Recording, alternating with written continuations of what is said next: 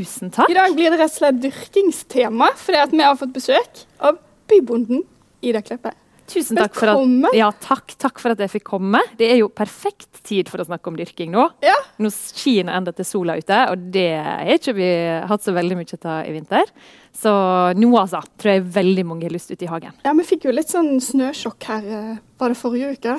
Ja, vi ja. fikk snøsjokk, og vi kan jo fortsatt få snøsjokk både i sent i april og i mai i Bergen. Så vi skal jo holde litt tilbake og være litt forsiktige. Ja. Eh, og begynne i det små, men våren er definitivt på vei, altså. Åh, det er så godt å høre. Jeg blir så glad. Men du, bybonde. Det er jo verdens kuleste tittel, egentlig. da. Er det mange som heter bybonde? Du, eh, Foreløpig så finnes det i Norge to bybønder i Oslo, og så er det jeg som er i Bergen.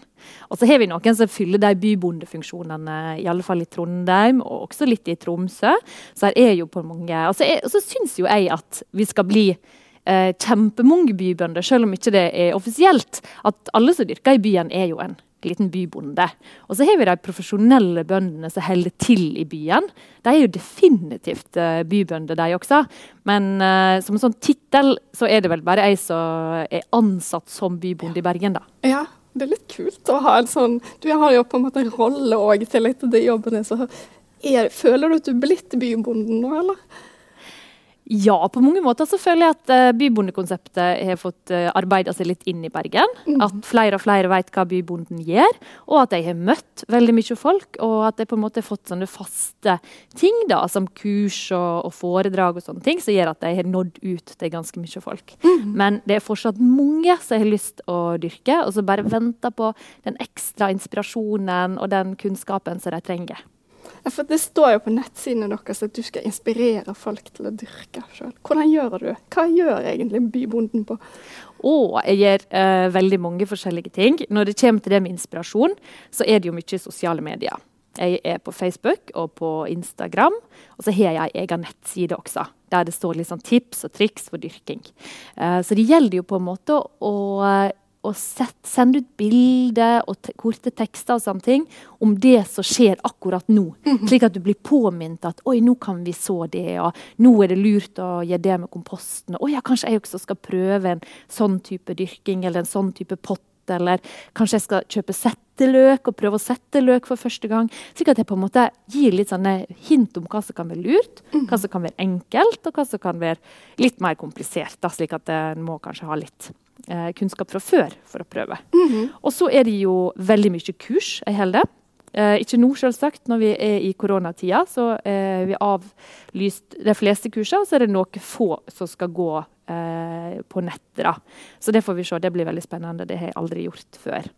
Um, så, så, i tillegg til det med kurser og det med sosiale medier, så holder jeg også en god del foredrag mm -hmm. for uh, forskjellige organisasjoner og, og, lag og foreninger og sånne ting. Senioruniversitetet har holdt foredrag for, og også bedrifter holder foredrag for. Der jeg snakker litt om hvordan en kan komme i gang med dyrking. Uh, hva en bør tenke på for at ikke den skal sette i gang med masse prosjekt, og så uh, detter det litt sammen og forsvinner litt, og enda litt som bare med noe rusk. Så det er litt der da. Å få, å få, å få det litt sånn bærekraftig. Mm. At en begynner med ting som en vet en kan holde ut på, mm. og ikke sette i gang masse. og så blir en litt sånn motløse når det første begynner å visne. For ting visner. Det skjer. Ja. Det må en regne med. Men så lenge en er liksom litt enkle ting, og, og får informasjon og sånn hele tida, så tror jeg de fleste skal klare både det ene og det andre. Mm. Det er liksom spesiell tid nå, med litt støkk hjemme, og folk liksom Ja, hva skal man finne på? Men dere har jo en liten løsning til oss på Facebook, da har jeg sett. Ja, vi har jo forskjellige på en måte ting som vi tenker nå som er litt sånn uh, dyrking i koronaens tid. Vi har en serie med Instagram-poster, og som vi også er på Facebook, som heter dyrking mot brakkesjuke. Ja, det så jeg. Så der vet jeg, mange har blitt uh, inspirert til å sette i gang. Og nå litt utover våren så skal jeg ha litt mer sånne Eh, større og langsiktige prosjekt der jeg skal si litt om ok, hva kan du dyrke i en liten hage eller på en veranda. Mhm. Hva er på en måte muligheten en har. Og litt sånn konkret, da. ok, Hva trenger du å kjøpe inn for å få til akkurat disse tinga her. Mm -hmm. Så det holder jeg på å forberede nå. Og så er det fortsatt litt tidlig. Vi snakker om snøen og alt det. Men jeg skal straks komme med litt mer sånn liten hageprosjekt og verandaprosjekt. Hvis man har litt utålmodige barn, eller man er litt sånn nybegynner voksen, er det noen veldig enkle ting som vi kan begynne med i uh, vinduskarmen bare nå? Ja, absolutt. Det er det. Mm, det er jo noen ting som egentlig trives best i vinduskarmen hele året, mm -hmm. og mhm. ikke vil ut. For sommeren i Bergen er jo ofte så som sa. Og det er jo sånn som snacksagurk. Det anbefaler jeg egentlig å dyrke, for det er kjempegøy. Du får masse agurk. De aller fleste liker jo agurk. Slik at det er på en måte En må alltid dyrke ting en liker. Det tenker jeg. Er det sånne små, liksom crispy Yes. Det er sånne ti centimeter lange agurker ca. Uh, og de er ganske enkle å få til og du får plass i vinduskarmen. Selv om du må ha en ganske stor uh, potte etter hvert. Men de vil jo helst ha litt sånn ah, minimum 18 grader, mm -hmm. kanskje 16 på natta, men, men de vil stå litt sånn varmt og godt. da. Ja. Uh, og det gjelder jo f.eks. chili og tomat også. Mm -hmm. uh, chili kan være litt sånn krevende, men tomat, sånne busktomater de passer godt i vinduskarmen. Selv om de også må ha litt stor potte til slutt, så går det fint i vinduskarm. Uh, og de kan stå litt ute på en varm og lun veranda også. Mm -hmm. Så, så sånn sherrytomater og, og, sånt, det anbefaler jeg også. Ja. Men nå når jeg har deg her, ekspert, så må jeg spørre litt på egne vegne, da, siden jeg, jeg har jo sånne miniprosjekt i min vinduskarm. Plukksalat oppi ja. et uh, druebeger. For det har jeg hørt at da blir det som en mm. liten drivhus. Mm. Men så kommer de opp, og så er de bare veldig tynne og spinkle og blir litt sånn lange. og hvordan kan du få de litt mer robuste, robust, så ikke de bare skrumper inn?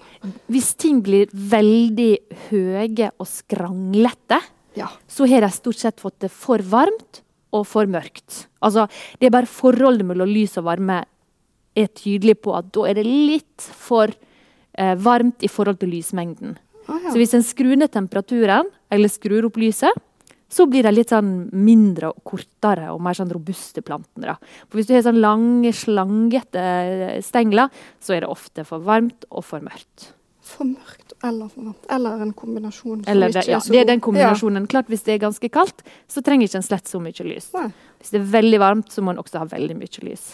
Superbra tips. Nå skal jeg, eh, jeg prøve på nytt. Det er en tommelfingerregel, altså, i alle fall. Ja, noen av de ser fine ut, men noen syns jeg ble litt uh, lang og tynn. Men de er sikkert gode å ete likevel. Ja. Plukk vekk det, det lengste sånn. og skrang, mest skranglete. Et det, og så prøv litt nytt. Ja.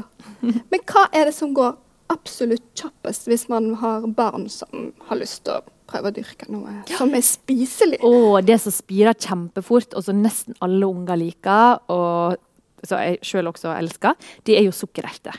Sukkererter er en av mine desidert favoritter. En kan jo så dem nå inne i vinduskarmen, og så kan en jo begynne å ta dem ut. Eh, og i alle fall så lenge temperaturene holder seg litt OK, så er ikke det lenge til en kan ta sukkerertplantene ut. De må ha noe å vokse oppover etter hvert. Men de vokser kjempefort. Mm -hmm. De får sukkerertbelger kjempefort. Og de skal jo ikke modne, på en måte. De skal jo du ete mens de er litt sånn tynne og smale. Og de er jo kjempegode. Og man kan eh, spise bladene òg, eller? Bladene av sukkerert? Ja, Lurt, det kan man. Absolutt. Salat, ja, ja, ja. Mm. mm. Og så blomstrer de fint. sant? Ja. Det fins jo lilla blomster eller hvite blomster. Så sukkerert er jo eh, ja, det er sånn veldig fin uh, sak, altså. Ja. En annen ting som går ganske fort, men som kanskje ikke alltid er så populært blant barn, det er jo reddik. Ja. Reddik er litt sånn for de som er litt utålmodige. Så det kan man så nå, og så får, går det litt over en måned, det sier 45 dager, så har du på en måte modne reddiker mm. som du mhm. kan ete. Og så kan du så en gang til. Så ja. det kan jo man gjøre kanskje tre ganger i løpet av en sesong. sant? Det så det er jo veldig kjekt. Da har du reddik gjennom hele sommeren. Ja. Det går fort. Jeg elsker reddik, men barna er litt skeptiske. Barna er litt skeptiske, for det er en litt skarp smak. Men hvis de er litt små, så er ikke de så skarpe. Nei, altså, de er best når de er litt Og så kan du ete blader også. Kan du det, ja? Det går fint an. Mm. Um, og spirer og sånn går jo an å ete. Klart Hvis du sår masse sukkererter, så skal ikke du lage planter til alle, men da bare eter du resten. Ja. Og det har jeg erfaring med at unger syns er supergøy. Ja. Å ta liksom disse her små og eter, og så Skal ikke bare ete dem, da? Så jo. Og det er jo veldig spennende. ja. Og litt sånn uh, Litt ulovlig, nesten. Og hvis det er ulovlig, så er det jo iallfall gøy. Da er det supergøy. Men du, apropos å like litt sånn rare ting, eller ikke like ting og mat sånn. Din familie. Dere hadde jo et litt rart eksperiment. Dere lagde rett og slett, eller Du lagde rett og slett en dokumentarfilm. Ja. Før jeg ble bybonde, så jobba jeg som dokumentarfilmregissør. Og laga dokumentarfilmer for NRK og TV 2 stort sett. Og da lagde vi bl.a. én film om norsk mat og Mhm. matproduksjon. Og for at vi på en måte skulle kjenne det litt på kroppen, da, så åt vi kun norsk mat i en måned. Eh, og da var ungene Det er et par-tre tre år siden iallfall nå. Og ungene var ganske små. Og det var ikke alltid det var så lett å få dem til å ete alt. Nei. Så de enda jo med å ete veldig mye potet med meierismør. Ja. Og det er jo supersunt. Altså Det er ikke mange vitaminer og mineraler du ikke får i deg når du spiser potet med meierismør. Altså, det var ikke sum på de. Nei, nei, nei, de koser jo seg veldig. Ja. Uh, det var mye meierismør på den tida. Uh, og så er det jo brød. sant? Mm. Pålegg, kjøtt, uh, vare og fisk. Det er det jo helt ubegrensa av. Mm. I tillegg så gjorde jo vi dette her i august, som er en fantastisk måned for norsk uh, bær Mm. og norske um, Norsk frukt begynte å begynner jo å komme i august allerede, med Mhm. plomme, morell osv. Så, videre. så vi leid ingen nød, altså. Men det var jo det med at du kan ikke ete sukker i det hele tatt. Og Også ingen uh, kaffe, selvsagt, og vin og sånne ting. Uh, og, og, så det var, vi måtte planlegge veldig godt og alltid ta med niste. Fordi at vi kan ikke ete noe på Kan ikke stikke innom en plass eller ete på restaurant eller kafé eller kantine. For, for da får du alltid ting som er unorsk i tillegg. Ja. Et eller annet i salaten som ikke er norsk, eller, eller kanskje brød som ikke er laga på bare norske ingredienser, eller sånne ting. Så det var masse matpakker. Men det For var dere skulle leve, leve helt som normalt ellers. Altså, det var Ja. ikke sånn Ja. Mm. Det gjorde vi. Hva var det som var størst savn etter, da? Eh, det, var, det var kanskje ikke at det var savn etter noe spesiell mat, men det var savn etter å, å leve litt mer lettvint. Ja. Og, og kunne på en måte kjøpe litt mer sånn ferdige ting, og ikke måtte lage pastaen sjøl fra bunnen hver gang jeg en skulle ha pasta. Og, og for vi lagde jo alt fra bunnen av. Mm. Og da lærte jo vi utrolig mye, men det er klart det eh, tok litt ekstra tid. Eller det tok masse ekstra tid. ja. Man må være bevisst Ja, hele tiden. sant? brødet, det måtte vi kjøpe. Vanlig brød i butikk eller baker er veldig mye forskjellig i. Så brødet kjøpte vi på Ask, på Bakstehuset. Så, og det, vi måtte jo kjøre til Ask ganske ofte da, for å få disse spesialleveransene våre Ja. med, eh, med brød. Og det er jo et fantastisk bakeri, Ja. men eh, samtidig så var det greit å kunne ha litt forskjellige ting Det ble litt jobb. Det ble litt jobb. Ja. Men Mm. hva var egentlig bakgrunnen for at du ville gjøre den dokumentaren? Jeg har jo alltid interessert meg for norsk mat og matproduksjon, og, og var veldig Lurte på hvordan er det egentlig med norsk matproduksjon? Hvordan henger det sammen? Hva Mm. mat produserer vi i Norge? Hva importerer vi? Og hva skjer hvis vi ikke får importert? Og det er jo et spørsmål som er blitt aktualisert igjen nå. Sant? Absolutt. Hvordan går det fremover? Får vi produsert norsk mat i Norge? Eh, og vi produserer jo kanskje bare 40% av den maten vi trenger. Mhm. Hva skjer hvis det kommer et eller annet stopp i importen på et eller annet nivå? Bøndene er jo helt avhengig av å importere uh, råvarer til kraftfôret. Mhm. Og hvis ikke kyrne får kraftfôr, så blir det ikke så mye melk, yoghurt, ost osv. Men jeg snakker med bøndene, og foreløpig er ikke de bekymra. De har såkornene de trenger, de har settepotetene, de har alt kraftfôret de trenger i ganske lang tid. Så, så det er ikke noe sånn uh, kjempekrise foreløpig, men, men hvem veit? Kanskje vi setter litt mer pris på bonden nå, da? Når Jeg tror det. i koronakrisen. Jeg tror det. Ja. Vi ser hvem er egentlig viktig, og da er bonden høyt oppe der. Altså. Ja. Vi trenger mat, og vi må produsere mye av den maten i Norge. Jeg ser jo at det er sånne dugnadsgrupper på Facebook med folk som har lyst til å være med og jobbe dugnad og sånt. Mm. Bøndene, Bøndene landbruket. Ja, Mm. og spesielt, det er jo spesielt de som dyrker frukt, bær og grønnsaker. Og rotgrønnsaker, potet og sånne ting. Sant? Som også trenger mest hjelp. Mm. Det er de som mest, trenger mest sånn import av arbeidskraft fra, eh, fra andre land. Og det er ikke så mange av de på Vestlandet. Her er en del som produserer frukt og bær, men, men grønnsaksprodusenter, store grønnsaksprodusenter har vi mest av på Jæren og i Trøndelag og på Østlandet. Mm. Slik at det er der det er mest behov for hender. Uh, men det er klart at her er nok en del på, i Hardanger, med kanskje. Mm. og sånt også. Så i Lærdal og ja. Ja. Så trenger hjelp. Kanskje en god sjanse for å få en sommerjobb for ungdom nå, da, hvis det, sesongarbeiderne ikke kommer fra, fra Øst-Europa. Ja. Det kan hende. Mm. Men meg og deg, vi har faktisk møttes en gang før. Mm. For i fjor så var du på besøk hos meg på Loddefjord bibliotek. Vet ikke om du husker det? Jo, Ja. absolutt. Da var det åpning av Frøbiblioteket. Var ikke det det? Ja. Da hadde vi en sånn liten uh, offisiell åpning av vårt lille frøbibliotek. Og du var så grei at du kom og klipte stor. Så det var veldig kjekt. For vi har jo uh, Vi åpnet frøbibliotek på biblioteket.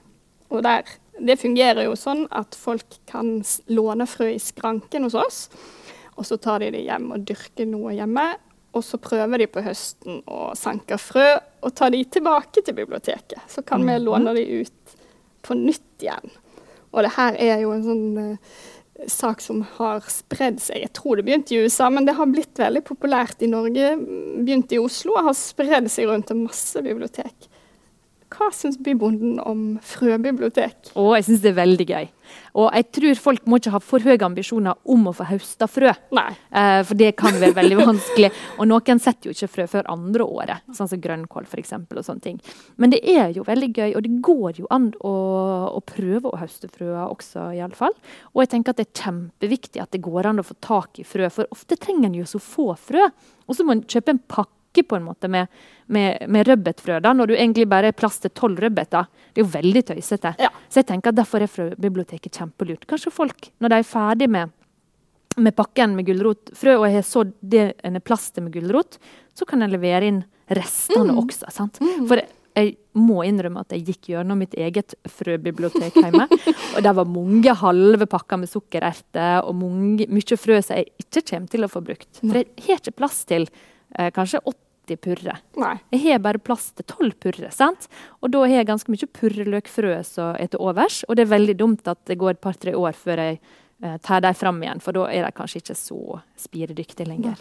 Så eh, nå er det jo synd at vi er i den situasjonen som vi er med korona og sånt. Men ellers tenker jeg at eh, restefrø må han også gjerne levere inn på det. Ja. Hvis dere tar imot det, da. Det tar vi imot. Ja. Vi tar imot Så alt. Ja. Og Så selvfølgelig, det er jo litt så du sier, noen ting er det vanskelig å ta frø av. Så vi er ikke så strenge på at de må levere Vi er ikke strenge i det hele tatt egentlig på at de må levere inn igjen. Men det er liksom en litt sånn gøy Mm. deleopplevelse òg. At man kan eh, komme inn igjen, og så kan noen andre bli glad. Absolutt. Neste sesong. Og det å tenke liksom en hel sesong Vi er ikke alltid så vant til liksom at nå skal vi spare dette, og så kommer vi inn igjen til høsten igjen. Så det er litt Nei, Det kan jeg godt tenke på. Og sjøl så har jeg tatt frø fra forskjellige ting. Eh, så jeg tok i høst, annet kattost. Det er en sort, um, en sort stokkrose som er helt nydelig, og så er lett å høste frø til. Også ringblomst. Ringblomst er jo, og det er kattost også, spiselige blomster. Ja. Og det syns jeg folk skal dyrke mer Ja. av. Det kan man bruke i salat, en kan bruke det til kakepynt. Og, og det er jo gøy også å kunne ete blomster. sant? Så, så det anbefaler jeg egentlig veldig at folk eh, dyrker. Og, og høste frø fra ringblomst og kattost det er også veldig gøy. Så Ja. da har du på en måte en litt sånn evighetsmaskin hvis du eh, Ja. prøver det. Det blir ganske mye av det òg, enkelte ting. sant? Som Mm. man bare kan dele med venner òg. Eller med Frøbiblioteket når vi åpner opp igjen, da. For nå sitter vi jo med egentlig i et stengt bibliotek i dag. Det Ja. er litt rart. Det Ja. er litt synd, men Ja. sånn, sånn er det. Men det kommer, det kommer en ny sesong, får vi gå ut fra. da. Mm. Ja. Men du, det er jo en bibliotekspod. det Ja. her. Vi er jo på biblioteket, så vi må jo spørre deg òg om uh, noen boktips. Det er jo så masse bra økolitteratur, og mange bøker handler om naturen og Mm. Ja. Har du noen bøker som du La deg inspirere av? Ja, Absolutt. Jeg har ei bok som jeg bruker nærmest som en bibel og oppslagsverk, og som jeg syns er veldig fin. Og det er ei som heter Kirsti McKinnon, som har skrevet ei bok som heter 'Kjøkkenhage'. Ja. Enkelt og greit. Kjøkkenhage. Eh, hun er norsk, iallfall delvis norsk, og denne her er skrevet veldig for norske forhold. Det er det som er så greit. Mm. For det er klart at det er veldig stor forskjell på å dyrke i Tyskland og i Bergen. Mm. Eh, så en må på en måte prøve å finne ting som er tilpassa Norge. Og i den boka, 'Kjøkkenhagen', av eh, Kirsti McKinnon, så er det veldig enkle råd eh, og veldig praktisk og veldig sånn gjennomførbart. Da. Mhm. og, og det er sorter med grønnsaker som vi kjenner veldig godt til. For som sagt så anbefaler jeg at du dyrker ting som du liker å ete. For det er veldig mye arbeid uh, å dyrke masse kålrot, og så eter du bare kålrot i jula, f.eks. Ja, Så er det litt dumt. Men det er klart, hvis du elsker, uh, hvis du elsker jordbær, så prøv det på jordbær. Hvis du er glad i sukkerert, prøv det. Hvis du er glad i rødbet, så prøv det. Prøv de tingene du syns er gode. For da får du enda bedre enn det du Mm. får på butikken. Og for de som er litt um, altså det jeg tenker det at Når vi dyrker, så dyrker vi ofte jorda og ikke nødvendigvis planter. Mm. Vi må dyrke i god jord. Det er kjempeviktig. Mm. Uh, folk er jo, uh, begynner jo nå å se på pottene og verandakassene fra i fjor og tenker at dette ser jo trist ut. Det er jo bare en, uh, enten en våt klump eller en størkna klump. Det er bedre hvis det er en størkna klump enn hvis det er en klissvåt klump som har stått ute i hele vinter. Altså. Men uansett så tenker de nei, kast, kjøp nye sekker med jord. Det er ikke nødvendig Nei. i det hele tatt. Ta vare på den gamle jorda. Eh, bland den med kompost. Hvis ikke du har kompost eller bokashi, eller noe sånt, bland den med kugjødselkompost som du får kjøpt på plantesentra. Eller hagesentra, heter det kanskje. Og så blander du det inn og rører litt, og så kan du gjerne ha nedi litt sånn Det kan godt være litt pinner og litt gamle lau og litt, eh, litt jord fra din egen hage også, for da får du utrolig mye liv inni dette her. Og levende jord er kjempeviktig. Så eh, gi det, og så kan du på en måte ha det oppi potten igjen og blande. Blande alt dette, og så kan du eh, plante igjen i det. da.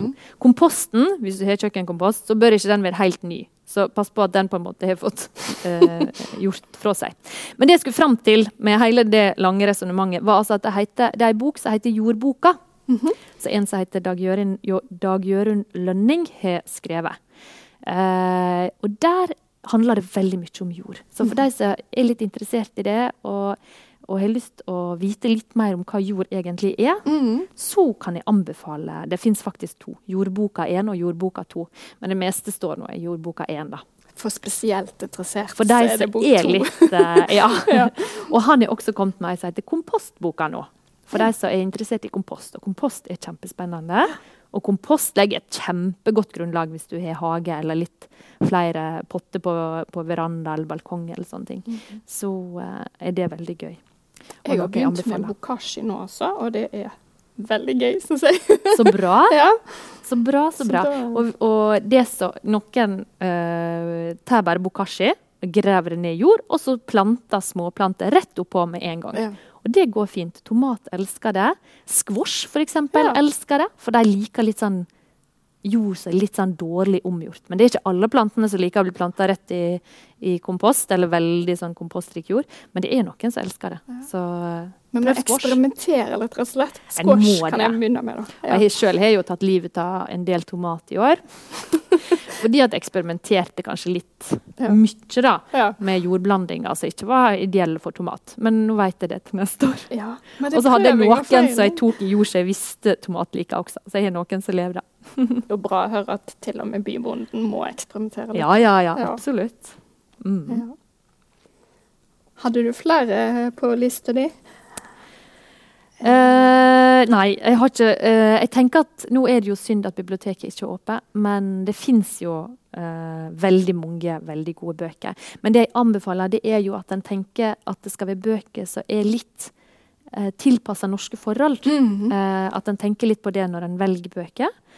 Eh, også hvis en er spesielt interessert i eh, tomat og kanskje mm, chili og paprika og sånt, så, så er det lurt å ha bøker som fokuserer på det. sant? Eh, så, så går det meste. Ja. Mm. Da skal jeg, jeg skal rett hjem og begynne å eksperimentere da. Ja, ja, ja. med både jord og ja, squash. Det må jeg teste ut, i hvert fall. Um, jeg lurte på om eh, du hadde lyst til å si noe helt til slutt om hva skal vi fokusere på akkurat nå, hvis vi har f.eks. hage. Nå begynner det å bli litt sånn eh, vårlig og sol. Hva er det første vi skal fokusere på nå når vi skal ut og grave litt? Ja. um, hvis en skal dyrke litt grønnsaker for første gang, så må man begynne å se på ok, hvor skal en dyrke dem. Og grønnsaker liker akkurat det vi liker. De liker solhjørnet. De liker der det er stilt, og der det er sol. En må ikke dyrke grønnsaker på nordsida av huset, f.eks. En må passe på å ha det på, helst på sørsida, iallfall en plass der det er eh, sol de dagene vi har sol i Bergen. Og også der det er litt lunt. Så på en måte prøve å finne ut hvor en skal ha grønnsakene, og gjøre det litt i stand. Det kan en godt begynne med nå. Mm. Også så er det veldig kjekt å forkultivere litt. Ja. I går så det masse. Eh, rødbet og bladbete og litt forskjellige sånne ting. Og det er veldig greit å på en måte kunne få ting til å spire nå. Få det til å spire kan du godt gjøre i kjøkkenvinduet eller et rom der det er varmt. Men så kan de stå litt kaldere, men lyst. Og så kan du på en måte plante dem ut når vi er kommet ut i mai. For da har du liksom allerede kommet et godt stykke på vei. Så hvis du skal ha brokkoli eller eh, grønnkål eh, eller eh, rødbet, som sagt, eller salat, altså du har lyst til å plante ut, det kan være lurt å forspire dem litt og for, eh, forkultivere dem litt da, Mm. innendørs. Først i små potter. Så det er en veldig fin ting eh, å gjøre akkurat nå. Og så må du passe på når du lager til eh, plassen der du skal være ute, at en ting er at eh, det skal være litt varmt og litt sånne ting, men så mye som det regner her i Bergen, så er det kjempeviktig å tenke på drenering. Mm. Hvis du har plantekasse, en pallekarma eller snekra plantekasse sjøl, så pass på at det er godt med sand i bunnen. Eh, eller grus og stein, men også sand, slik at det, vannet får kommet ut. Noen bruker lekakule, eh, og det kan man jo, men røtter det, de, eh, Plantene er liksom ikke vant med lekakule fra naturens side. Nei. Slik at de skjønner ikke helt lekakule. Da får jeg litt sånn Oi, hva skjer her egentlig? Men sand, det skjønner planter. Mm. Grus også. Så hvis det er det i bunnen, så skjønner plantene det mye bedre. Og da får jeg de liksom utnytta det litt bedre. da. Mm. Husk at plantene drikker nede og eter oppe. Så det kan være litt sånn Sanden blir på en måte våt, men den står ikke med vann. Slik at det, det blir ikke for vått da, Mhm. i et sånt uh, sandsjikt. Så husk drenering. Det Ja, er kjempeviktig. du kan på en måte drukne røttene deres. Uh, Ja, det er ingen Ja. planter som liker å stå i vann. Eller kanskje noen. Kanskje sånn vannlilje Ris. og, og ris, ja. men, men det er, ikke prøv ris. og så hvis du eh, skal dyrke for første gang, så ikke prøv 10 000 forskjellige sorter og legge opp til veldig mye. For da blir du kanskje lei deg når du ser at eh, å, det tar litt overhånd og du får ikke tid. og sånne ting. Prøv litt de enkle tinga. Setteløk eksempel, kan jeg anbefale. Mhm. Det er ganske enkelt og veldig gøy. Da setter du ned bitte små løker, og så får du opp store Store løker om noen måneder. Poteter også. Potetplanter er faktisk ganske fin. Det kan du sette i sånne eh, Hvis du kjøper sånne murarbøtter Mm. på 20 liter, er det det de er? 17 eller 20 liter. Tar hull i bunnen. Mhm. Så kan du sette noen poteter nedi der. Og når potetene begynner å komme opp, begynner å spire, så legger du på mer mold bare. Slik at du må ikke fylle den full med mold med en gang. For da kan du på en måte hyppe. Du Bare ved å en, eh, legge på ja. mer mold rundt. Og så blir det en fin plante. Potetplanter er ganske fin, og så kan du få ganske mye poteter. altså. Og så er det veldig gøy for ungene å gøy. hente poteter. Ja, ja, ja. Ja. Det er jo litt magisk når du bare ser de dukke opp. Ja. Mm, ja. Det er veldig, veldig gøy. Uh, trekke poteter kaller mine unger det. og de syns det er veldig gøy. Ja. Er Og så sånn- finner du sånne poteter med rare fasonger som du Ja. ikke finner i butikken. Og så finner du jo poteter som bare er kanskje et par millimeter eller, eller centimeter i diameter, så du i utgangspunkt tenker du skal kaste, og så syns ungene det er så gøy. Så de skal ha sånne mini, mini, mini poteter til middag. Men det syns jeg vi må ete også. De er kjempegode. De er kjempegode. Snacks. Så det kan jeg eh, anbefale akkurat nå. Også å så gulrot. De kan en så ute, men de må stå litt tørt. da. Eh, men de, altså, jorda må være fuktig, ikke våt og ikke tørr, men fuktig. Men en kan godt så gulrøtter i bøtte nå. Husk drenering. Gjerne bland litt sand i jorda. Så får du gulrøtter utover. Og, du, og i stedet for å tynne, så kan du ete bare de største hele veien. Så det er jo veldig gøy med gulrøtter. Men da må det ikke være snigler i jorda Nei. eller i nærheten. For sniglene eter de ørsmå gulrotspirene, slik at du ikke merker at de kommer en gang. Så det er noe drit. De der sneglene, altså. Ja. Har du noe sånn ultimat snegletriks-tips? Uff, det er egentlig bare litt sånn hardt arbeid. At når det er klart at når sånn som potet og jordskokk og sukkerert har fått blitt litt store, så er ikke det så farlig. Da klarer ikke sniglene å virkelig ete opp, uh, ete opp planta. Mm. Uh, men akkurat når jordskokken kommer opp av jorda, eller sukkerertene er bitte små, eller alt dette, så er det om morgen og kveld gå innom og klippe sønt sniglene eller plukke dem. Mm. Uh, det er liksom Og så kan du vite at hvis du er superflink til det i begynnelsen, så går det seg litt til av seg sjøl etter hvert. Og så må du gå sammen med naboene dine og ha dugnad. det hjelper. Det gjør jo det, altså. Absolutt. Så noen plasser er det jo mindre snigler, fordi at folk er kjempeflinke å plukke. Uh, og, og, på en måte ha ute sånne ja, uh, mm. middel mot det, rett og slett. Mm. Mm. Ja. Har du noe gøy, spennende dyrkeprosjekt som du skal gjøre nå i vår, da? Ja. Eh, jeg ble faktisk Jeg fikk, eh, var så heldig at jeg fikk to artisjokkplanter. Så nå må jeg til å lese meg opp på hvordan en dyrker artisjokk. For jeg er litt redd for at jeg skal ta livet av dem.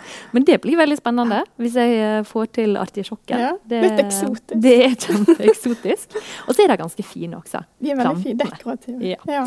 Så det var jo veldig gøy, da. Så det er kanskje det aller mest eh, eksotiske jeg skal gjøre. Men ellers så skal jeg dyrke mye av de kjente og kjære tinga, altså. Og så er det noen ting eh, får jeg til, og noen ting får jeg ikke til rett og slett. Syns det er kjempevanskelig. Så vi får se da hva, hva det ender med i år. Ja. Spennende er det iallfall. Veldig spennende. Tusen takk for at du eh, kom til oss. Delte dine tips. Veldig hyggelig.